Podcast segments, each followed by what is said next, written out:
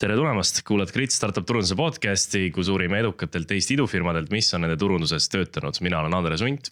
tere ka minu poolt, minu nimi on Marelle Ellen ja täna meil on stuudios siin minu suurim konkurent teine prominents Eesti influencer turunduse idufirma Modash esindaja. tere tulemast saatesse, Mattias Markus. ja tervist, aitäh, jah Mattias, mul on tegelikult ülihea meel, äh, et sa kutse vastu võtsid ja sa siin oled. ja kuna sul on endal päris põnev taust ja sa oled äh, nelja aasta jooksul äh, ka ettevõttes sees erinevaid rolle täitnud. et siis ma täitsa lasen sulle ennast ja, ja Modeshit ise tutvustada. okei okay,, ja et põhimõtteliselt äkki siis ma alustan endast. Mattias, mis mul mind üldse nii-öelda influencer'ite juurde tõmbas, oli see, et ma viieteist, kuueteist aastaselt ise tegin content'i, mul oli nii-öelda gaming või mänguri Youtube kasutaja seal. olen üles laadinud üle saja viiekümne episoodi vist seal erinevaid video content'i. ja siis peale seda, kui mul kool läbi sai, läksin kaitseväkke, ma teadsin, et okei okay,, ma tahan filmindust õppima minna, sest ma tahan paremaid videosid teha ja siis äh, seal vahepeal järsku avastasin startup maailma ja siis ma kohtusin Eivriga, kes on siis äh, CEO Modeshis ja põhimõtteliselt äh, sealt see kõik alguse sai ja, ja minu nii-öelda siis karjääritee algas ka pigem selle nii-öelda turunduse poole pealt, kuna ma ise tegin väga palju videosid, me tegime väga palju nii-öelda Facebooki videomaterjale, LinkedIn'i esimesed nii-öelda eesmärgid olidki meil, et okei okay,, tuhat jälgijat igal pool social ites saada. Äh, ja nüüd siis lõpuks, kui meil siis turundus käima sai, siis nüüd ma kuidagi naturaalselt olen siis müügi poole üle läinud, kuna. saime esimesed nii-öelda sign-up'id, siis keegi pidi ikka päriselt nende potentsiaalsete klientidega rääkima ka, et siis äh, põhimõtteliselt nüüd on mul väga palju kogemust olnudki selle nii-öelda. kliendi teekonna loomise peale ja üldsegi, et kuidas, kuidas nad päriselt siis kliendiks lõpuks saada mm. -hmm võib-olla lühidalt ka siis Moresist, et Mores on põhimõtteliselt ma ütleks ettevõte, mis aitab teistel ettevõtetel skaleerida influencer itega. et äh, kuidas me siis teeme, on erinevate tööriistadega, Modesi nii-öelda erinevus või nii-öelda speciality siis on selles, et meie platvormil on saadaval kõik influencer'id maailmas, kes on Instagramis, Youtube'is ja TikTok'is. isegi kui kellelgi kuulajatest on rohkem kui tuhat jälgijat, siis te olete meie platvormil saadav ja leitav ja olete influencer. Äh, ja siis põhimõtteliselt, kui te olete mingi bränd, saate endale leida täpselt äh, influencer'id, kes räägivad teie potentsiaalsetele klientidele. saate analüüsida neid, näha, kas nad ostnud mingeid võltsjälgijaid. Äh, mis protsent päriselt nende jälgijatest on Eestis või kus iganes mm, siis on koht, kus saate ka hallata neid kampaaniaid, kontaktinformatsiooni saada, et nendega kergesti ühendust võtta. ja siis on ka nüüd hiljuti lisatud tööriistad, millega saate siis äh, nii-öelda äh, jälgida, mis nende kampaaniatega toimub, et kui influencer teeb postituse, siis me kohe automaatselt püüame selle postituse mm -hmm. kinni hakkame siis andmeid jagama, et okei okay,. kui hästi see postitus päriselt siis toimis, et see on mm -hmm. Lühikokkuvõte võib-olla mm. -hmm. sa enne mainisid ka, et te olete tegelikult nagu aja jooksul seda niši päris palju kitsamaks eh, tõmmanud, isegi mingeid funktsionaalsuseid nagu ära võtnud mm. -hmm. ja et äh, esialgu oli toode kõvasti suurem ja hinnastus oli ka väga teistsugune, et äh, võib-olla oligi pigem see, et turgu nii-öelda sisse murda siis oligi, et väga palju pakkusime sellist ka agentuurilaadset lahendust, et me tegime väga palju asju kliendi eest ära, et okei okay,, influencer idega või suunamudjaga tuli siis ühendust võtta. me saatsime ise neile Instagramis sõnumeid G, Gmaili teel saatsime neid neile manuaalselt äh, email'e ja lõpuks, kuhu me jõudsime, oli see, et äh, see ei olnud meie jaoks nii-öelda skaleeritav, et äh, eriti startup'ina ka, et noh, kui meil on seal viis inimest ettevõttes äh,. pooled on arendajad äh,, siis äh, kui me tahtsime päriselt nii-öelda kliendibaasi suurendada, siis äh, kellelgi polnud seda aega manuaalset tööd teha, kuid jällegi tänu sellele me saime väga palju nii-öelda õppetunde kuidas me peaks influencer itega tööd tegema ja üldsegi, mis on need erinevad probleemid turul, mis me siis peame nagu ära lahendama mm. -hmm. et äh, oli sihuke positiivne kogemus, kuid äh, tagasi me sinna kindlasti ei läheks mm, -hmm. vähemalt mitte praegu mm. -hmm. ja see tundub nagu hästi loomulik selline evolutsioon. jah, et seal on osad nii-öelda, kuidas öelda, horror äh, story'd ka kindlasti, et äh, tihtipeale klientid, kliendid tahavad ühte asja. aga siis, kui sa päriselt nii-öelda hakkad nende tahtmisi nii-öelda täitma, siis äh, sul on väga raske selles rollis kontrollida seda, kas see kampaania päriselt õnnestub või ei õnnestu, et äh, mis me oleme tähele pannud just selle influencer turul ongi siis see, et. et sa võid neile anda parimad tööriistad, kuid see põhistrateegia, kui see ei ole ilusti läbi mõeldud mm, -hmm. siis, siis see tööriist ei ole nii-öelda maagiline asi, mis, mis mm. -hmm annab seda kindlust, et okei okay,, jah, kampaania õnnestub. ja siis lõpuks on tööriist süüdi lõpuks on tööriist süüdi, jah mm.. aga täna ma saan aru, et te sihite globaalselt või, või kes teie nagu peamine klient on? Keda te püüate? jah, et äh, kui vaadata siis piirkonniti, enamus kliendid on ikka nii-öelda lääneriigid, USA, Saksamaa, Inglismaa on siuksed peamised äh, riigid, kus kliendid tulevad, väga hiljuti on ka tulnud äh, suuremad kliendid Indiast ja Jaapanist ja nii-öelda sihtgruppidena ma ütlekski siis ongi, et nagu üks sihtgrupp ongi erinevad nii-öelda platvormid, kellele me äh, näiteks müüme datat või siis on suuremad ettevõtted, kes tahavad mitte võib-olla ainult influencer turundust teha, vaid tahavad oma mingit analüütikat teha, et kuhu turusuunad lähevad ja kuhu nad peaksid investeerima raha või mis iganes. ja siis on ka ütleks kaks sellist nii-öelda standardsemat suunda, mis on lihtsalt igasugused äh, väikeettevõtted e, e-poed äh, igasugused äpid, Boltid, Woltid ja, ja siis äh, kolmas suund ma ütleks, on ka agentuurid, kuid agentuur, ma ütleks, ei ole sihuke nagu peamine sihtgrupp, kuna nende vajadus on tihtipeale veits teist, teistsugusemad ja nad ei otsi nii palju lihtsalt datat, vaid neil on väga suur nii-öelda vajadus selle kampaania nii-öelda aruandele ja, ja mhm. selle funktsionaalsusele, et meil see ei ole nii nagu nii nagu välja ehitatud veel, et siis äh, ka fookus ei ole rohkem nende peal ma mäletan, kui te alustasite, siis te nagu olite kohe hästi suurelt pildis. et teil on väga tugeva persooni brändiga founder, te tegite mingeid stante, mingeid. jah, ähm, esialgu me alustasime noh, üldsegi, et nagu moodest suudaks elus olla. Äh, me leidsime sihukese huvitava, ma ütleks rahastuse variandi, kus Äh, me olime seal äh, Lift üheksakümne üheksas, mis on see koostöökontor või noh, iga ettevõte saab seal oma kontorilaua võtta. ja põhimõtteliselt nendega oli meil äh, partnerlus, kuna neil oli see lift off podcast põhimõtteliselt või sihuke fireside chat, kus me lihtsalt rääkisime teiste founder itega Eestis. ja Avery oli siis nagu host seal, et nendega oli sihuke partnerlus, kus me siis põhimõtteliselt viisime seda läbi ja me saime tasuta töökoha. ja, ja teine rahastus sealt oli see, et äh, Veriff samal ajal väga hirmsasti palkas uusi töölisi. ja põhimõtteliselt Veriff ka siis sponsoreeris seda, seda Lift of podcast'i. Äh, ja põhimõtteliselt see oli ka nii-öelda esimene esimene nii-öelda rahastus, äh, mis me saime nii-öelda kliendiväliselt, kuna noh, kliente ei olnud ka meil väga palju siis. ja, ja nii-öelda esimesed kliendid tulidki väga palju selle nii-öelda esimese nii-öelda buzz'i tekitamise pealt, kuna me tegime väga palju siukseid manuaalseid asju, mida ma ütleks, et me elus enam ka ei teeks, näiteks me tegime jah neid. ma ütleks enam-vähem professionaalseid video content'i Facebooki jaoks, aga noh, nagu kui Facebooki näiteks mingi content üles panna, siis noh paari päeva pärast see content on läinud ja keegi, keegi ei reageeri sellele enam, et sihuke suht sihuke tühine töö, aga kindlasti aitas esimesi kliente sisse saada, mis tihti on nagu sihuke kõige raskem äh,. Ül-, nii-öelda ülesanne ja ma ütleks ka nii-öelda vaadates ja rääkides teiste startup idega, et tihtipeale tundubki see, mis, mis võib-olla ma annaks nõu äh,.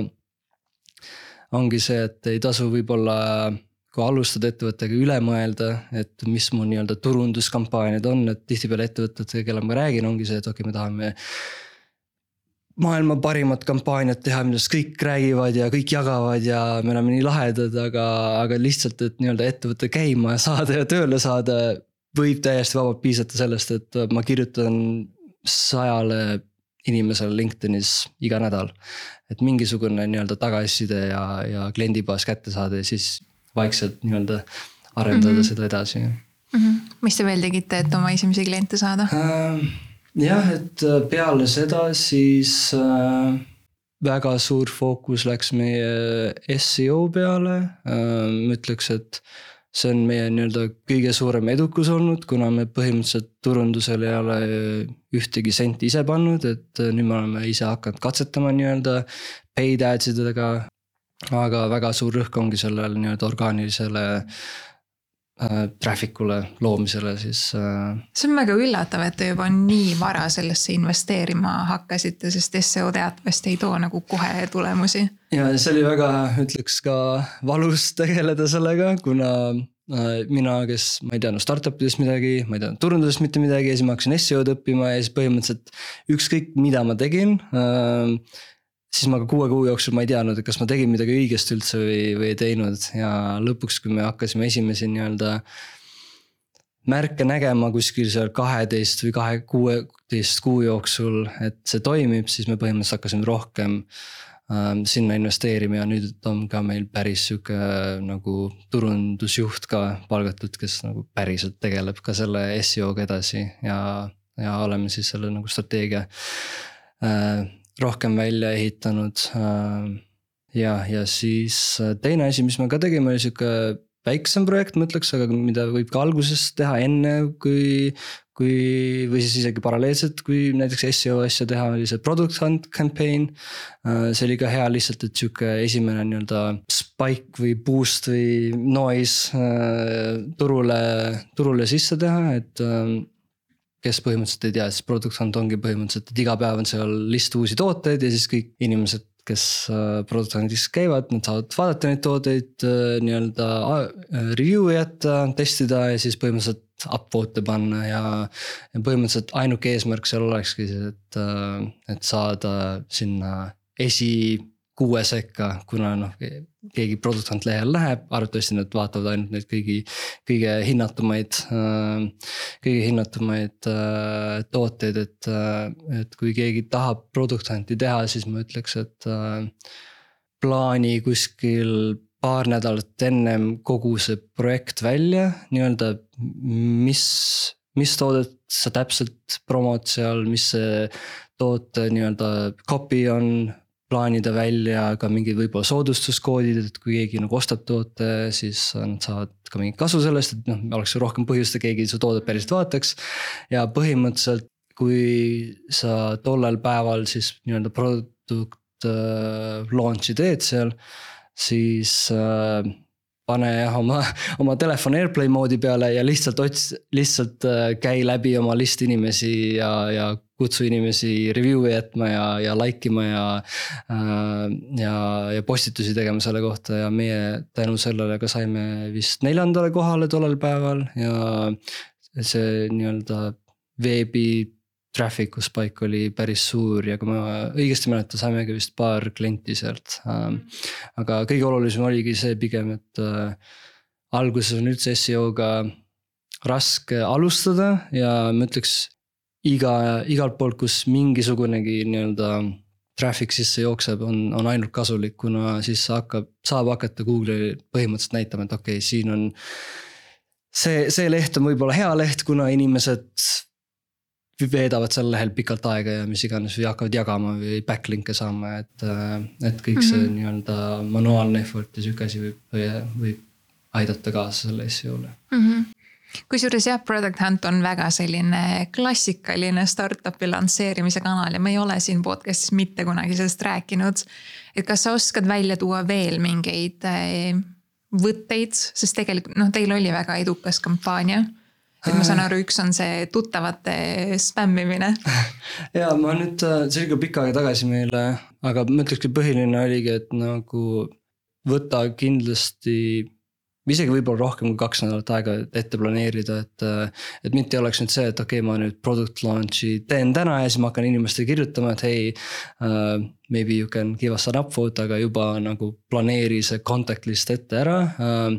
teine asi, mäletan, mis meil kasuks tuli, oli see product launch, hunt launch'i nii-öelda ajastamine.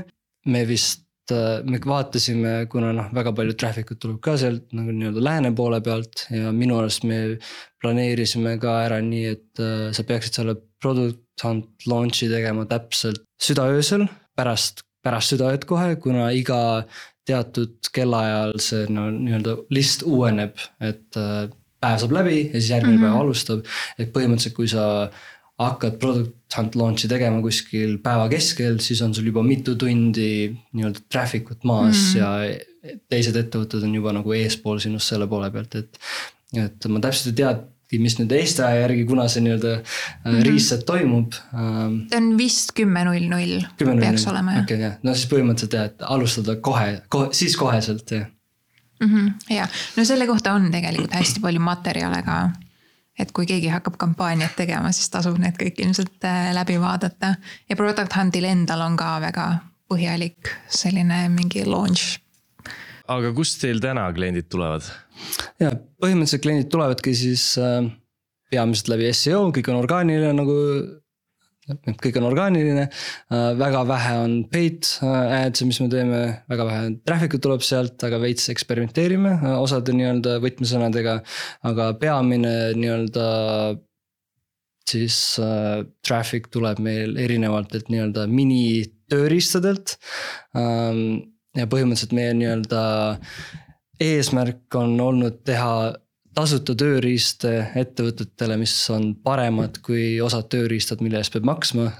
ja siis põhimõtteliselt anda hästi palju nii-öelda value't enne kui keegi peab sign-up'i tegema ja siis põhimõtteliselt, kui keegi tahab üles registreerida, siis on seal lisa CTA-d, hei, kui tahad äh, rohkem influencer'i profiili kohta teada, siis äh, registreeri üles ja saad tasuta versiooni ja saad kõike läbi proovida, et mis me üldse selles influencer turunduse nii-öelda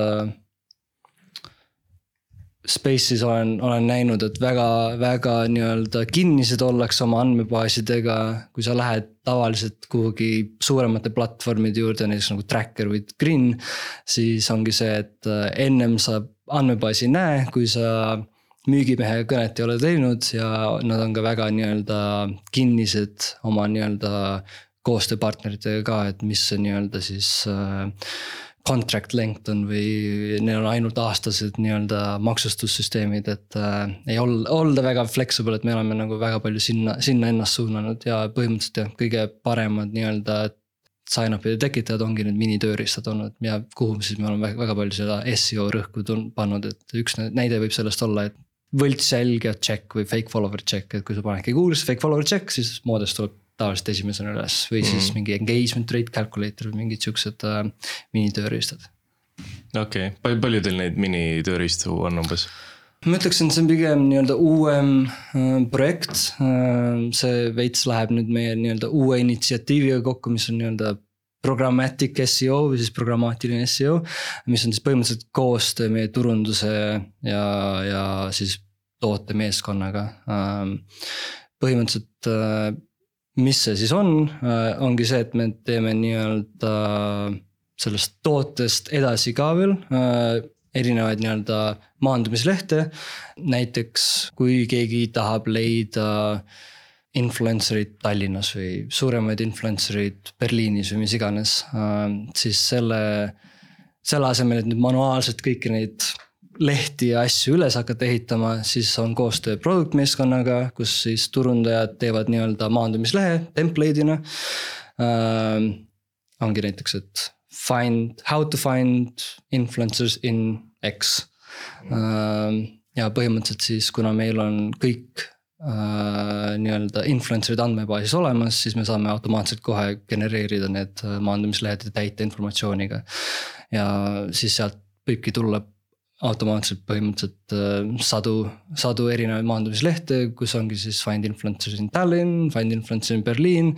Äh, ja, ja ma ütleks, ainuke nii-öelda koht, kus peab ettevaatlik olema, ongi siis lõpuks see, et kuidas nagu Google saab üldsegi nagu aru, et kus need lehed paiknevad ja, ja kuidas neid üldsegi siis järjestada enda nii-öelda äh, search tulemustel, et kui seda ettevõtmist teha, et mis kindlasti peab läbi planeerima, on see, kuidas su enda nii-öelda sitemap välja näeb, et ja millise hierarhia lehe peal on, et okei okay,, et esimene leht on pealeht näiteks meil modes.io.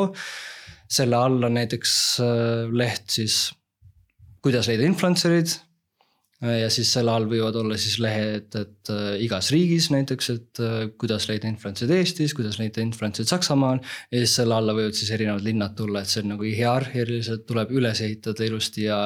ja need lehed peavad ka omavahel linkima, sest muidu Google ei tea, kuhu neid, kuhu neid lehti panna ja, ja keegi põhimõtteliselt ei ole neid neil võimalik üles leida ja ka selle nii-öelda struktuuri me tegelikult varastasime Zaphire'ilt. et, et, et igal lehel oleks see indexing olemas või see link, link, et oma, omade lehtede vahel siis põhimõtteliselt nende maandumislehtede all on see nii-öelda siis sitemap, kus siis on põhimõtteliselt tähestik ja siis erinevad riigid ja linnad ja kõik on nii-öelda üles ehitatud nende linkidega, et aga kuidas see protsess välja nägi nendel automaatselt genereeritud maandumislehtedel, et, et kuidas, kuidas see asi algas, millest see algas ja? Äh, jah, et äh, esialgu noh, võib-olla siis, kui ma lähen nii-öelda sammu tagasi natukene üldse nii-öelda planeerimise peale, et, äh, et kõigepealt, kui me SEO-d planeerisime või kuidas me üldse praegu ka planeerime, ongi, et äh, esimesed kuus kuud me fokusseerisime väga palju märksõnadele, mis olid nii-öelda high intent, ma nüüd ei oska kuidagi eesti keeles öelda seda, aga põhimõtteliselt inimesel, kes teavad, neil on probleem ja need. otsivad lahendust juba. ja, ja, ja põhimõtteliselt oligi siis, et näiteks Hypauditor alternatiiv, äh, siis me teame, et okei okay,, et keegi otsib seda ja nad otsivad lahendust ja siis me, meil on kohe lahendus ära pakkuda. väga palju seo tööd läks alguses sinna ja kui me hakkasime neid nii-öelda märksõnu siis plaan-, planeerima, põhimõtteliselt planeerimegi nii-öelda oma nii-öelda KPI-de järgi, et me teame, et meie eesmärk on suurendada inimesi, kes registreerivad platvormile. ja siis me põhimõtteliselt äh, seaksime ka endal nii-öelda järjestaksime enda fookuse siis selle järgi, mis märksõnad on kõige potentsiaalikamad, et näiteks me läheme ühte tööriista Ahrefs. ja siis põhimõtteliselt, kui me näeme, et näiteks ongi see mingi engagement rate calculator, me näeme, et seal on näiteks viis tuhat search'i iga kuu otsingut äh, ja me teame, et meil keskmiselt need landing page'id convert ivad kuskil kümneprotsendiliselt. siis me teame, et selle märksõna potentsiaal on viissada uut nii-öelda registreerinud kasutajat iga kuu ja põhimõtteliselt siis me ka äh, üritame arvestada sinna, et noh, kui raske on selle märksõna peale ka siis nii-öelda äh, päriselt traffic ut saada või rank ida Google search'is äh,. ja, ja arvestame, et okei okay,, kui, kui palju neid backlink'e asju meil siis vaja on ja siis põhimõtteliselt selle suur Excel tabel, kus me näeme siis, mis on kõige potentsiaalikamad, kui raske on neile või võimalik äh, päriselt seda traffic ut peale saada ja siis selle põhjal me valime, mis keyword'e teha. ja põhimõtteliselt kuus kuud tegime seda ja siis nüüd on see läinud rohkem selle programmeetrilise variandi peale üle, kus siis äh, hetkel me oleme väga palju fokusseerinud, ongi just nende igasugustele nagu how to keyword'i peale, kuidas midagi teha, kuidas midagi leida. ja ma ütleks, et kus see idee tuli, et nüüd selle peale fokusseerida. oligi pigem see, et me lihtsalt eksperimendina tegime selle fake follower check tool'i, et võltsjälged äh,. inimesed saaksid lihtsalt leida ja otsida äh, koheselt või kontrollida, kas influencer itel on ja see töötas väga hästi ja põhimõtteliselt oligi see, et äh, lihtsalt äh, investeerime rohkem ressursse sinna, mis juba töötas väga hästi ja tundub ka esimeste nii-öelda märkide poole pealt see uute lehtedega on ka sama hästi põhimõtteliselt toimunud üks asi on küll, mis ma võib-olla ütleks, et mis on nii-öelda Modesil raskuspunktiks vahepeal tulnud ja, ja kuidas me selle lahendasime, oli see, et äh,.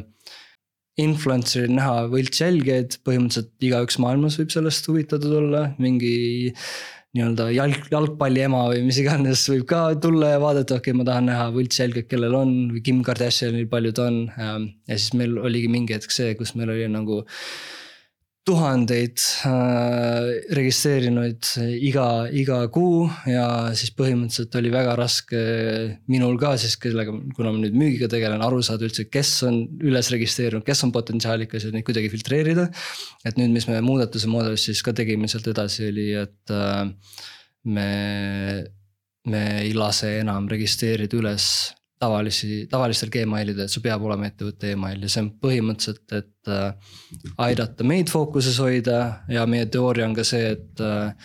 et äh, me saame lihtsalt päris klientidele paremat teenust ka siis pakkuda, kui me ei tegele nende Gmaili ja muu mudruga. aga teil on siis, et, et ta saab seda tööriista saaks kasutada, ta peab registreerima ennast kasutajaks? jah, jah, jah, et äh, muidugi seda tasuta varianti, see, et kui sa lähed see nii-öelda fake follower check või võlts jälgija otsing äh,, siis seda saad ikkagi tasuta teha äh,. lihtsalt kui sul on põhimõtteliselt, sa saad panna sinna influencer'id ja näitab, palju tal on võltsjälgeid. ja siis seal on põhimõtteliselt see nii-öelda call to action, et äh, kui tahad veel näha, tahad näiteks näha, palju tal, ma ei tea, jälgijaid on Eestis äh,, siis sign up põhimõtteliselt mm.. Okay. ma kujutan ette, et need tööriistad on ka nagu päris hea vahend, kuidas backlink'e saada ja, ja, vahepeal me ka hea, hea viis, kuidas backlink'e saada ja vahepeal, mis me oleme näinud, on see, et me tekitame erinevates nii-öelda nišides äh, draamat. kus vahepeal me Twitteris olime, trendisime kõvasti, kus keegi jalgpalliklubid omavahel vaidlesid, kes on ostnud võltsjälgeid mm. ja kes on fake'id ja me oleme ikka paremad ja siis jälle mingi lokaalne mingi uudis, uudistemeeskond püüab selle kinni ja jälle räägib, me saame jälle backlink'i. või kuhu see lõpuks viis meid hiljuti oli see, et me, me huvitavalt saime väga palju uusi sign-up'e läbi TikTok'i, mida me ise ei teinudki üldse, lihtsalt oli üks tüüp, Connor Joss on ta nimi uh, UK-s hakkas lihtsalt videosid tegema, et hey, how many fake followers Cristiano Ronaldo on. hakkas neid TikTok'i üles panema ja põhimõtteliselt tema TikTok'id hakkasid, hakkasid saama kümneid tuhandeid, siis sadu tuhandeid ja isegi mõned paremad äh, TikTok'id on saanud seal kuni miljon vaatamist ja põhimõtteliselt äh, ainuke asi ongi, mis ta on kasutanud, on see tasuta tööriist. ja, ja siis need, need TikTok'i vaatajad või follower'id tal alati kommenteerivad, hei näita seda influencer'it või näita seda influencer'it mm -hmm. ja. ja see oli ka nii-öelda väga suur uh, traffic boost meile mingi aeg. kas see ei tekitanud mõtet, et võiks äh, rohkem TikTok koostööd teha uh,? jah, see on nüüd üks nii-öelda uh, maksustatud nii-öelda initsiatiividest, mida me katsetame uh,. ma ütleks, et see on veits on nii-öelda väga eksperimentaalne ikkagi, me ei ole nagu sada protsenti investeerinud sinna, et selle, sellesama Connor Jossiga Äh, me oleme paar nii-öelda paid partnership'i ka teinud, ta on ka meil veits nüüd seda content'i poole pealt ise ka edasi nagu veits arendada, et noh, me plaanime ka oma nüüd järsku podcast'i teha. ja, ja palgata ka äh, sisuloojaid ettevõttesiseselt, et hetkel on meil ainult nii-öelda kirjutaja, kes kirjutab blogisi ja siis head of marketing mm -hmm. inimene mm. -hmm. aga kui alguses äh, te need tööriistad lansseerisite, siis neid noh, ma olen stalkinud Neid fake follower checker eid on ka tegelikult päris mitu tükki. ehk siis te pidite päris palju backlink'e ehitama sellele ilmselt, et saada esimeseks mm.. Hmm, see on hea küsimus, äh, jah, neid on. kuid äh, ma isegi ei ole päris head vastust sellele, kuidagi, see kuidagi orgaaniliselt ise mingil määral ikkagi töötas, ma isegi nüüd päris täpselt ei tea, miks ta töötas. Äh, kindlasti meil fookuses oli see jah, et me tegime neid backlink'e, ma nüüd päris täpselt ei tea, kui palju meil neid backlink'e oli vaja. Äh, aga tundub ka, et äh, jälle see nii-öelda veits läheb kokku selle nii-öelda user experience'iga kui lihtne on ka neid tööriistu kasutada, sest jah, neid tööriistu on palju, aga samas ka see, kuidas Google nüüd otsustab, et. mis on parem leht või ei ole, parem leht on backlink'id, kuid on ka jällegi see, et kui kaua inimesed on seal lehe peal päriselt või kas nad päriselt, kas nad edasi ka muud asju lähevad või midagi edasi teevad, et. et kui paljudele sellistele lehtedele minna, et ongi, et fake follower check sa lähed nende maandumislehele ja esimene asi, mis tavaliselt inimesed näevad, on sign up now äh,. siis äh, meie puhul oligi see, et äh, me nii-öelda seda sign up now barjääri ei teinud, et sa võidki tasuta kasutada, sa ei pea meie, meile oma emaili andma, mitte midagi tegema. ja, ja ma ütleks, et seega võib-olla aitas meid paremini, kuna inimesed jäid sellele lehele kauem. Äh, nad ei olnud kohe, et okei okay,, logi sisse ja mine kuhugi mujale. Et, et välja arvatud backlink idel, see ka kindlasti aitas. ja, aga mingi siis äkki kiirelt rääkida, kuidas siis backlink'e saada ja, ja, ja, ja ka üks meetod, mis me oleme näinud, on väga kasulik olnud meie jaoks. ma ütleks viimase nii-öelda kuu jooksul. põhimõtteliselt backlink'ide strateegiaks on, on meil ainult see, et me otsime või teeme nii-öelda backlink vahetusi enamasti, et me otsime kohti, et kuhu me võiks backlink'i saada. ja siis me otse kirjutame selle lehe omanikule, et hei, me tahame back, backlink'i selle eest, mis sa tahad vastu, tavaliselt nad tahavad vastu ka backlink'i või vahepeal võib olla jah, et keegi ütleb, et äh, nad tahavad mis iganes viissada eurot või tuhat eurot või mis iganes äh,. aga peamiselt, äh, mis ma võib-olla soovitaks seal teha, kui need nii-öelda backlink vahetusi teha, et ei ole oleks kasutada seda nii-öelda abc strateegiat, et ei ole lihtsalt, et äh, minu leht A, tema leht B, et nad omavahel lihtsalt lingivad, äh, kuna tundub ka, et Google mingil määral saab aru, et siin on lihtsalt, äh, eriti kui samal ajal on need lingid tekkinud, et see on mingi sihuke kahtlane seos. Ähm, aga, aga et siis põhimõtteliselt, et, et meie lingime tema nii-öelda A leht lingib B lehele ja siis see B leht lingib C lehele põhimõtteliselt. ja üks nii-öelda huvitav asi, mis me oleme nüüd tähele pannud, on nii-öelda, et need Hrefs on väga head tööriistad, kuid äh, hiljuti on sihuke buzz tekkinud äh, seo turundajate seas nii-öelda null traffic'u keyword'ide poole pealt ja me kasutame teist tööriista, mis on Google Search Console äh,. äh kuna sealt sa saad näha päriselt, mis nii-öelda keyword'id, märksõnad toovad sulle juba nii-öelda traffic ut juurde ja mis ma olen tähele pannud, ongi, et seal, see on hea koht, kus nii-öelda neid nulli traffic uga keyword'e üles leida. ja mis tundubki see baas siis olevat, on see, et Hrefs ja kõik need tööriistad, nad töötavad mingis, mingil määral nii-öelda lag'ina, et noh, et äh, midagi toimub täna ja siis võib-olla kuu aja pärast Href päriselt saab aru, et noh, mis toimus, mis traffic liikus, kuidas liikus.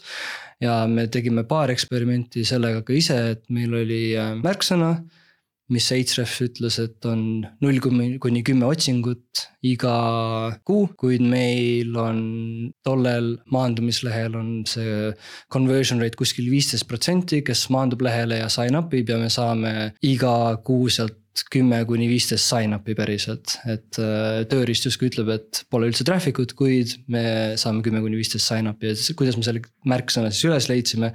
oligi täna tänu selle Google Search Console'i, kus me nägime, et mis märksõnadega hetkel inimesed meid üles leiab.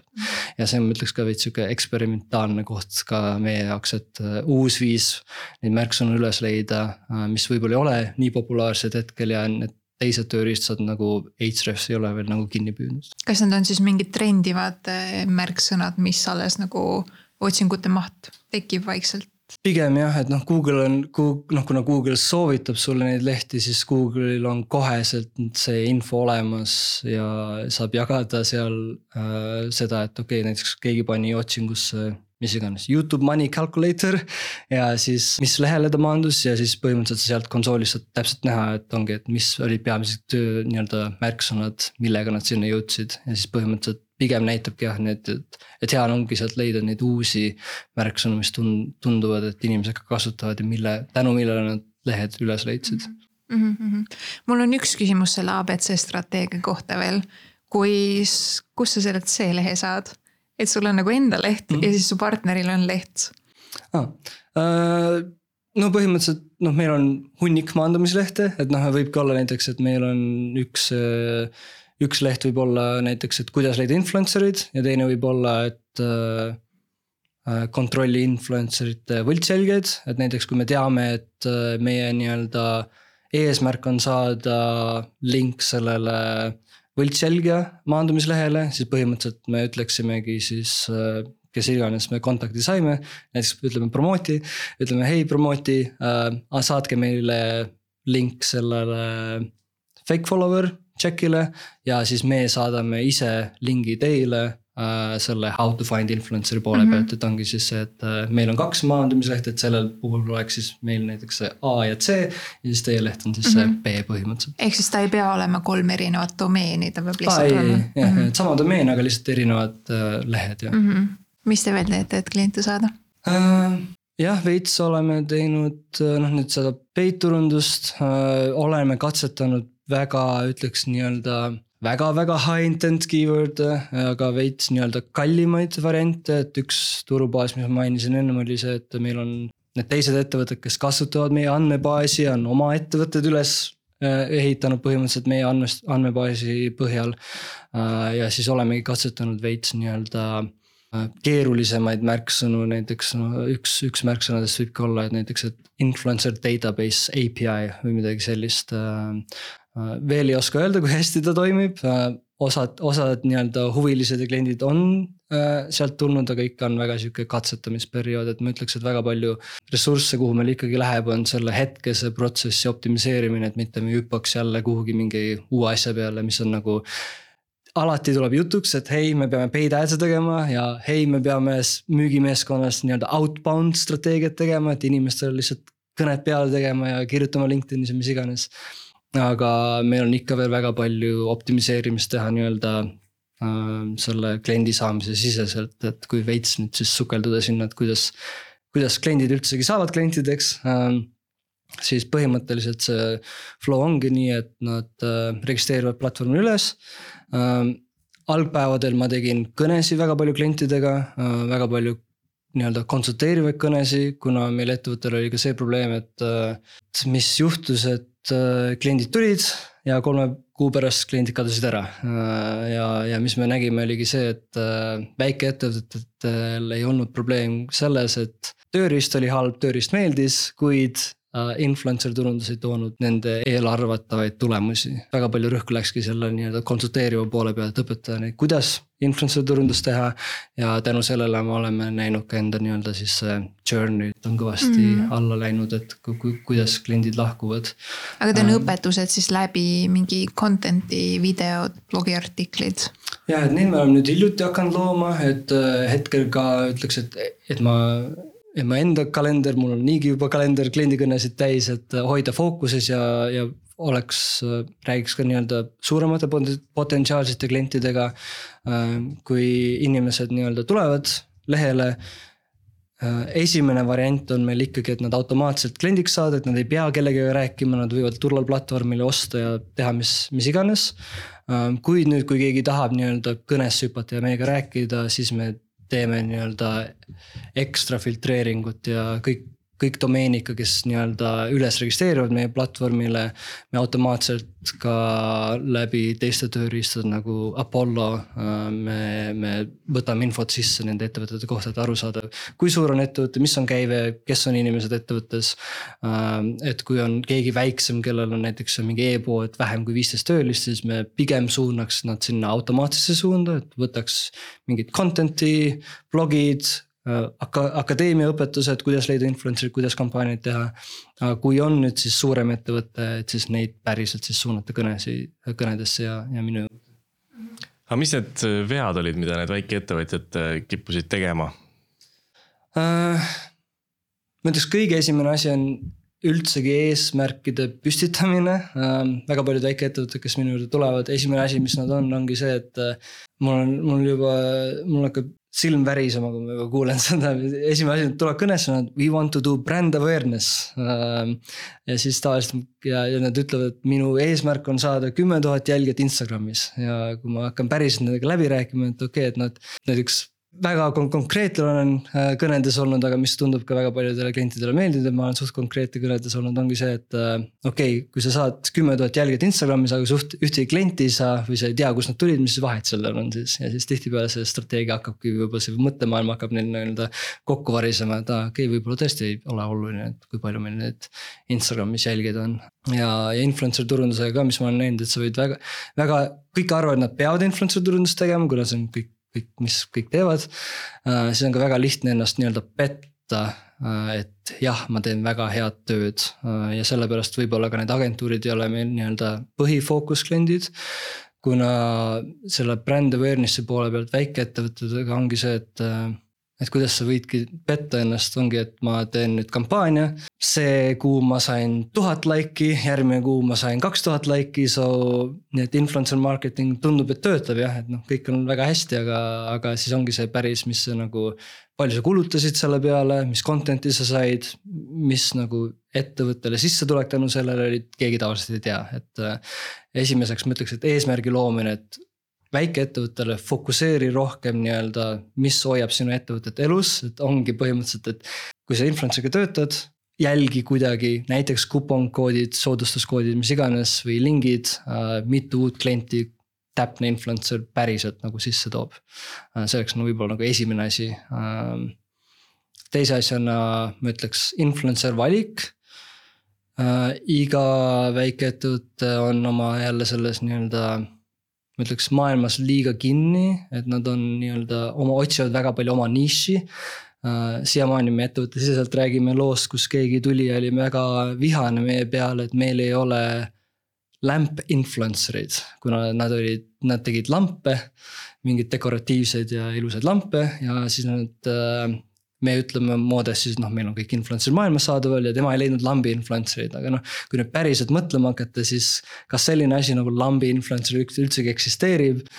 Äh, see on omaette küsimus, äh, aga mis see point seal on, ongi, et rohkem fokusseerida, et kes su nagu päris enda turg on, et noh, selle lambi inimesele, et pigem, et neid lambi influencer eid otsida. pigem fokusseeri selle peale, et kes su turg on, et noh, võib-olla ongi siis kolmekümneaastased näiteks naised on see, kelle, kelle järgi nad peaksid minema, et äh, ja mis ma olen ka näinud tihtipeale teiste ettevõtetega, kellel see nišš ei ole nii hull, et neil, nad otsiks mingi lambi influencer'id, aga ma töötasin ühe Itaalia ettevõttega, kes äh, tegi mis mingit huulepulki või mingeid asju ka, naised, naised olid põhim-, põhiline sihtgrupp ja nad siis töötasid põhimõtteliselt mingi väga ilusate Instagram modellidega ja olid ka, et ei, influencer turundus ei tööta ja siis mõtlesin, vaatasin äh, ettevõtet ja, ja ma ei suutnud välja mõelda, miks ei tööta, sest nagu, et sadu sarnaseid ettevõtteid on seda teinud ja pärast, kui ma põhimõtteliselt sain selle listi kätte, need influencer'id, kellega nad olid koostööd teinud. ja nende analüütikat vaadates põhimõtteliselt, mis ma esimesena nägin, oli kaks asja. enamus jälgijatest olid mehed ja enamus jälgijatest olid äh, kuskil teises riigis, kuhu nad oma toodet ei saatnud väljagi, siis noh, pole ime, et see kampaania nagu nii-öelda fail'is ja võib-olla kolmas, viimane nõuanne oleks fokusseerida ka nii-öelda pikemaajalistele kampaaniatele enam ei tööta, tundub sihuke lihtsalt nii-öelda ühekordsete kampaaniate tegemine, et sa annad influencer'i raha, ta teeb postituse ja kohe on sul põhimõtteliselt ladu tootest tühi. Et mis me oleme näinud ka osade nii-öelda suuremate klientide poole pealt äh, on see, et isegi kolm kuud võib võtta aega see, et influencer'il nii-öelda täispotentsiaali näha, et kui sa jälgid nende nii-öelda. kui palju nad kliente sisse toovad, et võib-olla ongi esimene kuu toovad seal kakskümmend, siis kolmkümmend ja siis võib-olla nelikümmend, siis ta jääb sihukeseks nii-öelda standardseks järgmiseks nii-öelda. kaksteist kuni kuusteist kuud ja siis võib-olla hakkab ta jälle nii-öelda langema, aga nii-öelda pikad, et kui sa ainult teed ühe postituse ja maksad selle eest, siis äh, väga palju inim-, nii-öelda potentsiaali sa jätad ikkagi laua peale, sest äh, noh, kui ise ka nüüd mõtlema hakata, et. Äh, kui sa näed, et keegi influencer teeb postitust, sa isegi oled huvitatud tootest, sa ei, sa ei lähe ju kohe ostma äh, seda toodet, kui sa sellest tootest ei ole varem mitte midagi kuulnud. et ta vajab seda natukene nii-öelda marineerimist ka sealtpoole pealt. aga teil on, korra sa enne mainisid, et, et teil see outbound teema käib kogu aeg läbi mm., see tähendab, teil on siis mingi müügitiim ka, kes Äh, jah, äh, müügitiim ongi põhimõtteliselt mina, nüüd on mul ka üks lisainimene müügitiim tiimis olemas. Äh, põhimõtteliselt mina hetkel tegelen rohkem siis nii-öelda kliendi poole pealt, päriselt, kes ma klientidega räägin, konsulteerin ja siis noh, müün. Ja siis teine inimene, kes meil müügitiimis on, tegeleb rohkem selle nii-öelda esimese selle funnel'i poole pealt, et siis kontrollimine, et jah, meil on see automaatika, kes paneb ära, et okei okay,, need on need ettevõtted, kes sign up isid. Need on nende suurused ja kategooriad, kus nad on. aga keegi peab manuaalselt ka üle käima, kontrollima, et äh, kellele see automaatika ei leidnud informatsiooni ja siis päriselt ka nii-öelda. tegema nii-öelda suuremate ettevõtetele ka manuaalselt nii-öelda ühendusvõtmist, et jah, me teeme nii-öelda automaatikat ka seal emailidega, aga suuremate jaoks me paneme ka seda ekstra rõhku juurde, et nad kinni püüda, et kui meil seal vahepeal mingid. Nike'id ja Ubisoftid või PayPalid äh, tulevad sisse, siis äh, nende, nendega me tahame kindlasti nii-öelda ekstra äh, tähelepanelikud olema ja, ja kindlad olla, et me saame ühendust nendega um,. muidugi tuleb ettevaatlik olla selle poole pealt, et see ei kuluta väga palju energiat lihtsalt ettevõtte pärast ainult, äh, kuna me oleme näinud vahepeal mingi IKEA sign up ib ja siis me oleme, et okei okay,, väga lahe IKEA, aga siis pärast, kui sa lähed LinkedIn'i profiili peale. tegelikult näed, et äh, on mingi warehouse manager või on mingi äh, see laua taga tööline, noh kelle, kellel ei ole ühtegi otsustusvõimekust influencer turunduse kohta, et mm.. tuleb ka vaadata, et noh, kes see päris inimene on, kes nagu üles registreerib, mitte ainult ettevõtted ka. Aga see automaatika, sa korra mainisid seda, see on, mis tööriista te seal kasutategi? Uh, jah. seda, et äh, tuvastada need, et need andmed ettevõtetele? mitu tööriista on tegelikult noh, põhiline nii-öelda müügi jaoks me kasutame Pipedrive'i nii-öelda CRM-i poole pealt uh,. automaatika poole pealt siis seda Apollot, et saada aru. ja teine variant on ka Clearbit, mis on võib-olla tut-, tuntum nimi, Apollo on lihtsalt natukene, natukene odavam ja enam-vähem sama kvaliteediga. Äh, või noh, kõvasti odavam. põhimõtteliselt jah, too on sihuke nagu andmebaas kõikidest ettevõtetest põhimõtteliselt maailmas äh, ja ta põhim-, põhimõtteliselt ta teeb vist mingisugust nii-öelda LinkedIn scraping ut või midagi ja siis äh, saab põhimõtteliselt sinna oma nii-öelda märkmed sisse panna, samamoodi veits nagu, nagu Modessiga influencer itega sinna saad panna, et okei okay,. ma otsin turundajaid sellest regioonist nendes ettevõtete suuruselt ja siis põhimõtteliselt ta näitab kõiki andmeid nende kohta, mis ta on ise nii-öelda üles siis leidnud. aga ma saan aru, et ta kuidagi töötas ka teil sellega, et, et kui inimene registreerib, et siis ta leiab, äh, siis ta saab aru, et kellega tegu on ja mis ettevõttest või? ja, ja et kuidas see ühendus ongi põhimõtteliselt loodud, äh, üks väga nii-öelda äh, elupäästja tööriist on olnud Zapier, mis on tegelikult ainult tööriist, mis ühendab teised tööriistad kokku, et sul üldse peavad mingid tööriistad olema, et Zapieri kasutada. aga jah, et, et kui ongi, kui meil on platvormi pealt jooksevad need andmed kuhugi tööriista ja siis on, et me kasutame päriselt meeskonnana Pipedrive'i, et näha neid andmeid. siis mingi tööriist peab olema, et mis need omavahel kokku viivad, siis ongi see Zapieri väga hea kasutada, et põhimõtteliselt äh, kui sul on andmed ükskõik kust, ükskõik kuhu vaja saada, siis Zapieriga arvatavasti saad seda teha ilma nii-öelda arendajate ressursse kasutamata ja ma ütleks, see ongi põhiline nagu Zapieri kasu, et. et näiteks kui meil on hetkel see, et ütleme, et sa tuled platvormile, sa tahad kõne broneerida mul on seal hetkel Typeformi küsimustik, et põhimõtteliselt kvalifitseeruda sind, kas sa peaksid minuga kõnesse saama või ma peaksin suudlema kuhugi automaatika poole peale äh,. siis seal nende Typeformi nii-öelda vastused läbi Zapieri jooksevad siis Pipedrive'i, kuna ma elan ise Pipedrive'is, siis ma kohe näen neid vastuseid. ja ka samamoodi Apollo on ühendatud kokku läbi selle Zapieriga, et Apollos on kõik nende. Apollo on siis millega, Apollo on ühendatud millega siis? ja, et Apollo on ka ühendatud Pipedrive'iga, et noh, mhm, kuna ma okay. elan ainult Pipedrive'ist on minu tööriist, siis Apollol on andmed ettevõtte kohta, et kui näiteks promote'i sign up'i meile, siis äh, äh, läbi platvormi me saadame promote'i nime Apollosse ja siis Apollost saadab Äh, läbi Zapieri andmed siis Pipedrive'i ja siis lõpuks mina näen Pipedrive'is, aa okei okay,, promote'i nii palju ettevõtjaid. inimene, kes sign up'is on turundaja, tema LinkedIn ja põhimõtteliselt kõik need andmed nagu jooksevad ühtekokku kokku, et. Äh, olen, olen väga palju rõhku pannud, ongi see, et nii-öelda enda meeskonnasiseselt saada nii-öelda kokku sihuke standardne universum ainult Pipedrive'is, et uh, ohtlik koht, mis ma, võib olla kindlasti ettevõtetel ongi see, et uh, hakkad järsku kasutama väga palju erinevaid tööriistu ja siis ongi, meil oli ka mingi, mingi aeg äh, saatsime vist email'e klientidele ja igalt poolt kuskil, ma ei tea, kolm-neli erinevat tööriista oli, kus me email'e saatsime. et äh, tuleb ka veits ettevaatlik olla, et tööriistadega, mis kasutate jah mm. -hmm. Teil on ka kahenädalane prooviperiood, eks?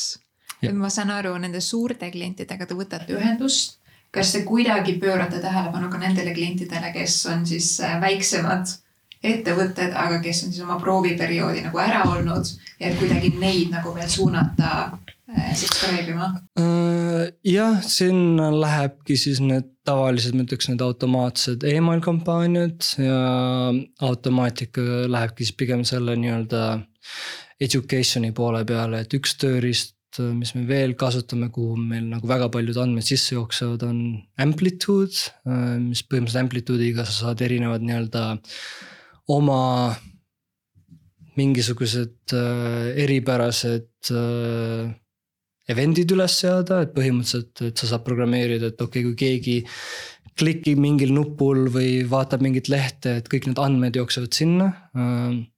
ja siis sealt nüüd, mis me oleme ka hakanud proovima, katsetama, on see, et et et teatud email'e saata inimestele nii-öelda aktiivsuse põhiselt. et näiteks kui keegi avas meie influencer ite listi äh, või otsis teatud arvu influencer eid, siis tolle põhjal me teame võib-olla teistsugust nii-öelda content'i neile suunata või siis näiteks me teame, et. okei okay,, see inimene otsis palju influencer eid, kui ta kunagi ta ei teinud seda nii-öelda export event'i. et äh, kontaktinformatsiooni või emaili ka kätte saada, siis me saame kohe seda nii-öelda content'i saata neile emaili teel, et hei. kas teadsid, meil tegelikult on ka influencer'ite emailid, sest et te saaksite, saaksite lihtsalt nagu ühendust ka võtta, äh, et see on ka nagu see nii-öelda automaatika pool, mis me hetkel, hetkel üritame arendada mm. -hmm Äh, makstud reklaamid, ähm, kuidas te neid teete, kellele te neid ähm, suunate ja mis, mis märksõnadele ja mis sihtgrupile? Äh, jah, ma ütleks, et see on suht kitsas, äh, ongi ainult põhimõtteliselt need API põhised. hetkel oleme ka veits katsetanud nüüd hiljuti alternatiivide põhiselt, kuna me oleme näinud, et kogu selles siis influencer turunduse maailmas on väga palju kaost hetkel, ma ei tea, kui palju te olete kuulnud, aga põhimõtteliselt hiljuti, mis on. mis on juhtunud, on see, et Meta või siis Facebook, Instagram. Neile paljudele ei meeldi, et siuksed platvormid, influencer platvormid üldse eksisteerivad ja nad enda nii-öelda API Äh, lahendust, kus siis neid andmeid on võimalik saata. Äh, on hakanud nii-öelda äh, access'i siis nagu tagasi tõmbama, et üks suur platvorm näiteks nagu Grin on hetkel. kes suure osa oma Instagrami tootest peab lihtsalt maha jätma. kuna Meta ütles, et me ei taha enam jagada neid andmeid. Äh, ja siis sellepärast oleme ka nüüd hakanud neid äh, veits pay'da'sse tegema, kuid ma ütleks, et jah, hetkel on see väga nii-öelda eksperimentaalne ikkagi ja, ja. ja ütleks, et kõige olulisem selle poole pealt on ikkagi see sama nii-öelda nõuanne, mis ma ütlesin algavatele ettevõtetele, kes teevad influencer turundust, ongi selle kogu selle teekonna jätkamine, et okei okay,, kui palju ma ja ühe selle keyword'i peale siis seda raha panin mitu uut registreerimist ma sain ja siis päris seda tee, päriselt seda teekonda jälgida ka, et okei okay,, kas see klient päriselt siis nagu kliendiks ka sai ja mis summal ta kliendiks sai ähm,. Äh, hetkel me oleme näinud küll äh, positiivseid nii-öelda tulemusi, et äh, paned seal äh, mõnisada eurot kuhu või, või paar tuhat eurot kuhugi sinna keyword'i taha ja siis saad äh, paar klienti tagasi, kes, kes maksab sarnased summad tagasi põhimõtteliselt aasta jooksul, kuid ma ütleks, need keyword'id ei hetkel, mis meil on nii-öelda suure, need API suunal on pigem siuksed äh, suure potentsiaaliga, et sealt võib-olla jah, ei tule palju kliente.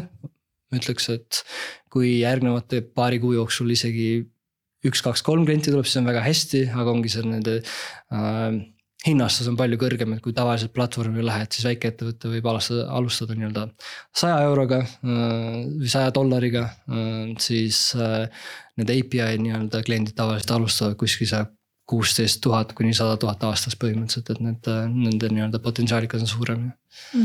-hmm. no ja ta on vist nii konkurentsitihe valdkond, et see ka juba klikihinna viskab nii üles, et sealt ongi keeruline head roid saada konkurents on tihe ja, ja tihtipeale isegi ka me ei, ma tean, vahepeal isegi teised meie konkurentid otseselt nagu panid ka peidajad nii-öelda meie täpselt, noh, kui panidki modes.io panid otsingusse, kui Google'isse modes lihtsalt tegelikult mingi kellegi teise alternatiivi ettevõtte ad tuli üles, et on küll jah, väga konkurendi, konkurentsi tihe, mis meie vaatepildis me oleme ise võtnud siukse, ütleks, et suht nii-öelda relaxed approach'i, äh, et. Äh, et tihtipeale oli ka meil esialgu nii-öelda investeeringutega keeruline, et kus saada või noh, et kuidas sa või noh, on seda erinevust selgitada, mis nagu meie erinevus on turul teiste platvormidega, mis nüüd on tegelikult kõvasti lihtsamaks saanud sellega, et äh, et me ei ole nii-öelda mures kogu aeg konkurentide pärast, kuna me jagame oma andmeid kõigiga, keegi teine platvorm tahab ostma, osta meilt andmeid, alati saab. ja tundub, et teised platvormid, kes on nii-öelda selles ühiskonnas olnud, on väga alati nagu kinni oma selles andmebaasis, ei jaga mitte kellegagi mitte midagi, kuid äh, me oleme nagu suht avatud, mis on tegelikult ka nüüd meie kasuks olnud. kuna tegelikult, kui osad nii-öelda kliendid meie juurde tulevad, siis noh, me, meil saab endal nii-öelda lisa, kuidas öelda, julgus olla vahepeal seal, kui keegi võrdleb meil, meid mingite platvormide vahel ja kui me teame, et meie anname neile andmeid, siis tihtipeale me võidame kuskilt sealt, et kas hinna poole pealt või, või mis iganes poole pealt. muidugi, kui on teatud klient, kes meile ei sobi, mis otsib mingit funktsionaalsust, mis meil ei ole, siis muidugi noh, see on, see on teine küsimus mm. -hmm ja et selles suhtes te olete oma konkurendid teinud oma partneriteks, on ju. kui konkurendil läheb hästi, läheb teil ka tegelikult paremini. Ja, ja nüüd just äh, kaks, kaks päeva tagasi ma rääkisin ka Eivriga, meie CEO-ga sellest ja, ja me just hakkasime ka tekitama nii-öelda ühiskonna nii-öelda Slack gruppi, kus saada kõik need founder'id kokku erinevatelt platvormidelt äh, ja põhimõtteliselt äh, hakata aru saama, mis üldse toimub turul, sest iga ettevõte, kellega ma räägin, äh, kõik on kogu aeg hädas pigem selle meta poole pealt ja nende andmete poole pealt. Äh, ja ma tean, et jah, et nad on nagu, nagu väga nii-öelda ei taha neid andmeid jagada ja noh, meie, meie boonus ongi siis see, et noh, me ei ole nende, nende avatud API dega ühendatud, et meie nende käest andmeid ei saa, et kõik meie analüütika toimubki siis äh, selle põhjal, et me ainult analüüsime kõik, mis on nii-öelda publicly available või mida inimene päriselt saab näha, et äh, kuidas võib-olla nii-öelda tehniliselt veits rääkides kiirelt Modessist ongi, et see, et me vaatame influencer eid ja kõiki nende jälgijaid. me vaatame nende nii-öelda sisu, mis nad loovad, kas siis sisus on mehed, naised, koerad, kassid, vanused, mis iganes. Äh, ja siis me ka analüüsime neid tekste ja kommentaare, kõike, mis nad kirjutavad. Äh, et siis aru saada, et okei okay,, et millest nad huvitatud on, et kui keegi räägib, kasutab palju märksõnu nagu ma ei tea tripod'id ja objektiivid, siis me teame, et okei okay,, nad on arvatavasti huvitatud mingi filmindusest. ja põhimõtteliselt seda siis teha kõikide, kõikide inimestega platvormi peal, me saame siis kogu selle andmestiku kokku panna. et me ei ole nagu nii-öelda selles kinni, et hetkel, hetkel on, on meie nii-öelda ettevõttega väga suurt kasvu näinud ongi, üks põhjus on see, et jõulud on tulemas, Black Friday on tulemas. ja teine ongi see, et see kogu kaos on nüüd järsku tulnud kogu selles influencer turundus äh, koha pealt, kus paljud ettevõtted otsivadki nii-öelda paremaid alternatiivne, et nad ei peaks muretsema, et järsku päevapealt mingi funktsionaalsus kaob ära, kuhu nad on juba väga palju nagu sisse investeerinud hmm ähm, üks asi, mida te minu teada veel teete, on ähm, Youtube'i live seminarid või webinarid äh, kuidas teil nendega on, on läinud, mis strateegia seal on olnud? Mm, ma ütleks, et need olid ka veits nagu väga eksperimentaalsed. Äh, miks me ei ole hetkel nii-öelda sada protsenti fokusseerinud sinna oligi see, et äh, me nägime, meil oli väga palju probleeme just selle kliendi teekonna pealt, mis pidime lahendama. Äh, mis ma veits enne saadet tegemist rääkisin, oligi ka nii-öelda selle strateegilise poole pealt ja. ja ma ise plaanin ka enda nii-öelda personaalset content'i tagasi tuua. et, et see, okei okay,, võib-olla strateegia poole pealt ma, ma kiirelt äh, räägin hiljem, aga, aga kus see idee tuli esialgu oligi see, et äh, meil oli väga palju neid väikseid kliente elus ma ka ei suuda kõikide nendega meeting uid teha, kui meil on seal tuhat sign-up'i. Äh, siis oligi see idee, et okei okay,, teeme webinari, äh, enamus nendest on väiksed kliendid niikuinii, nii et ei ole hullu, et kui kui me nende kõikidega nii-öelda personaalsesse kõnesse ei saa, aga kõik need nii-öelda standard influencer turunduse teadmised, ma saan kõik neile anda kuuekümne minuti jooksul ja siis oligi see idee, et äh, okei okay,, teeme webinari, tavaliselt webinare tehakse läbi Zoom'i või Google Meetsi või kuskil iganes, aga mul oli lihtsalt idee see, et samamoodi nagu ma ütlen inimestele, kui influencer teeb sinu jaoks nii-öelda sisu, loob, siis ära ei lase sellel sisul lihtsalt istuda selle influencer lehe peal, vaid kasuta ise ka seda ära, tee ise mingit, pane enda Facebooki, Instagrami, pane ads'i, mis iganes.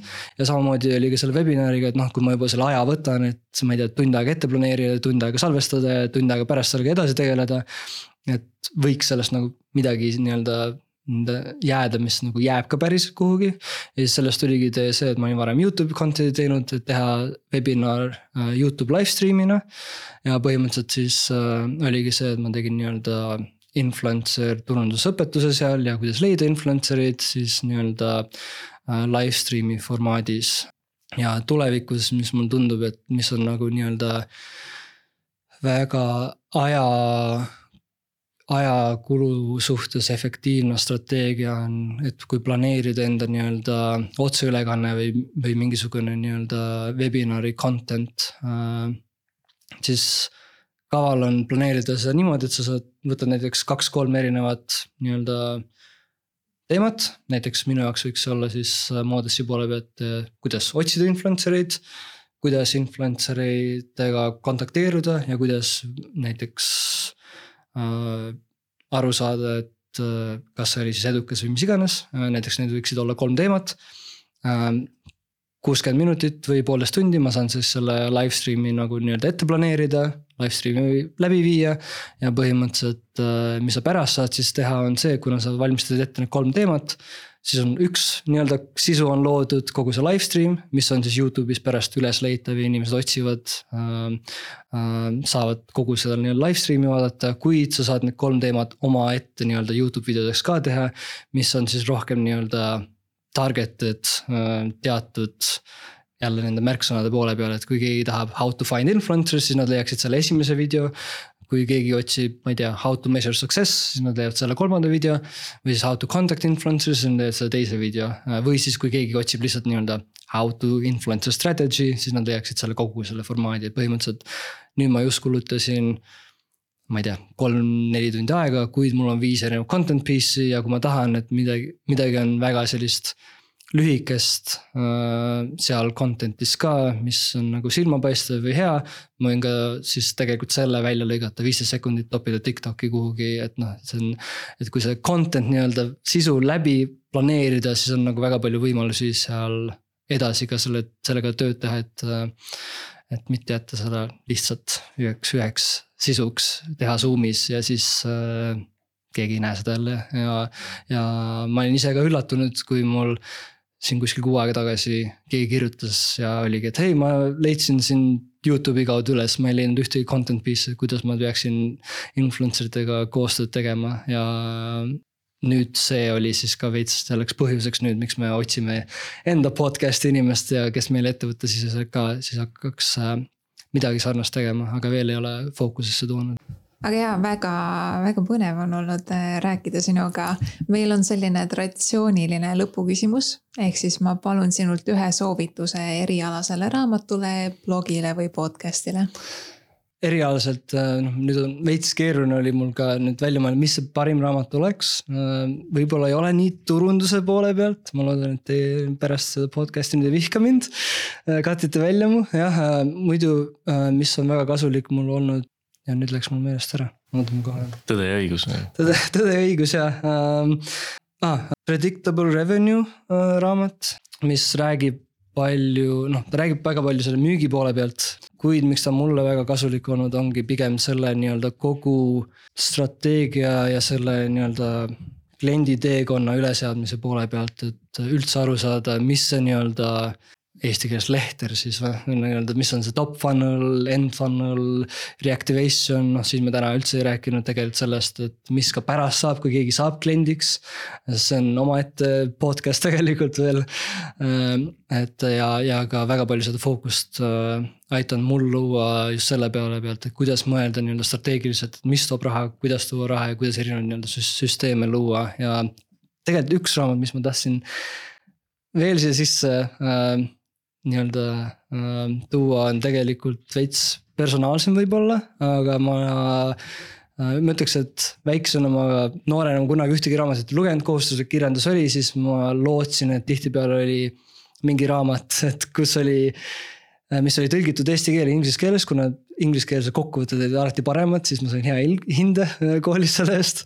aga nüüd, kui ma olen raamatuid lugenud, siis väga nii-öelda isegi ja väga hea nii-öelda impact'i mulle on andnud äh, raamat, mis on The subtle art of not giving a F äh,. mis äh, aitas enda nii-öelda, kuidas öelda, nii-öelda personaalsemate probleemidest üle saada, mis tegelikult väga palju aitas mind ka töö poole pealt, et äh,. et ma ütleks, et ma olen väga sihuke grinder ja mul on väga okei okay,, et suffer ida igasuguste asjadega, aga ongi see, et nüüd ma hommikust õhtuni kümme tundi järjest grind in, et see tihtipeale ei ole väga kasulik ja ma ütleks, tolle raamatu lugemine oli väga hea mulle, et nii-öelda endaga hea, heale poolele saada ja siis äh, see on väga suuresti produktiivsust aidanud ka nii-öelda töö poole pealt super äh,, aitäh sulle, Mattias, et sa, said tulla ja rääkida meile, kuidas asjad käivad. aitäh sulle, kes sa kuulasid teisel pool ja loodan, et said kasulikke mõtteid. kui sa kuulad meid Spotify's, Google'i või Apple podcast'is, siis vajuta kindlasti subscribe nuppu, et sa kuuleksid esimesena, kuhu startup turundus liigub kuuleme järgmises osas, kus siin on järgmine huvitav startup turundaja, olge tublid ja edukat turundamist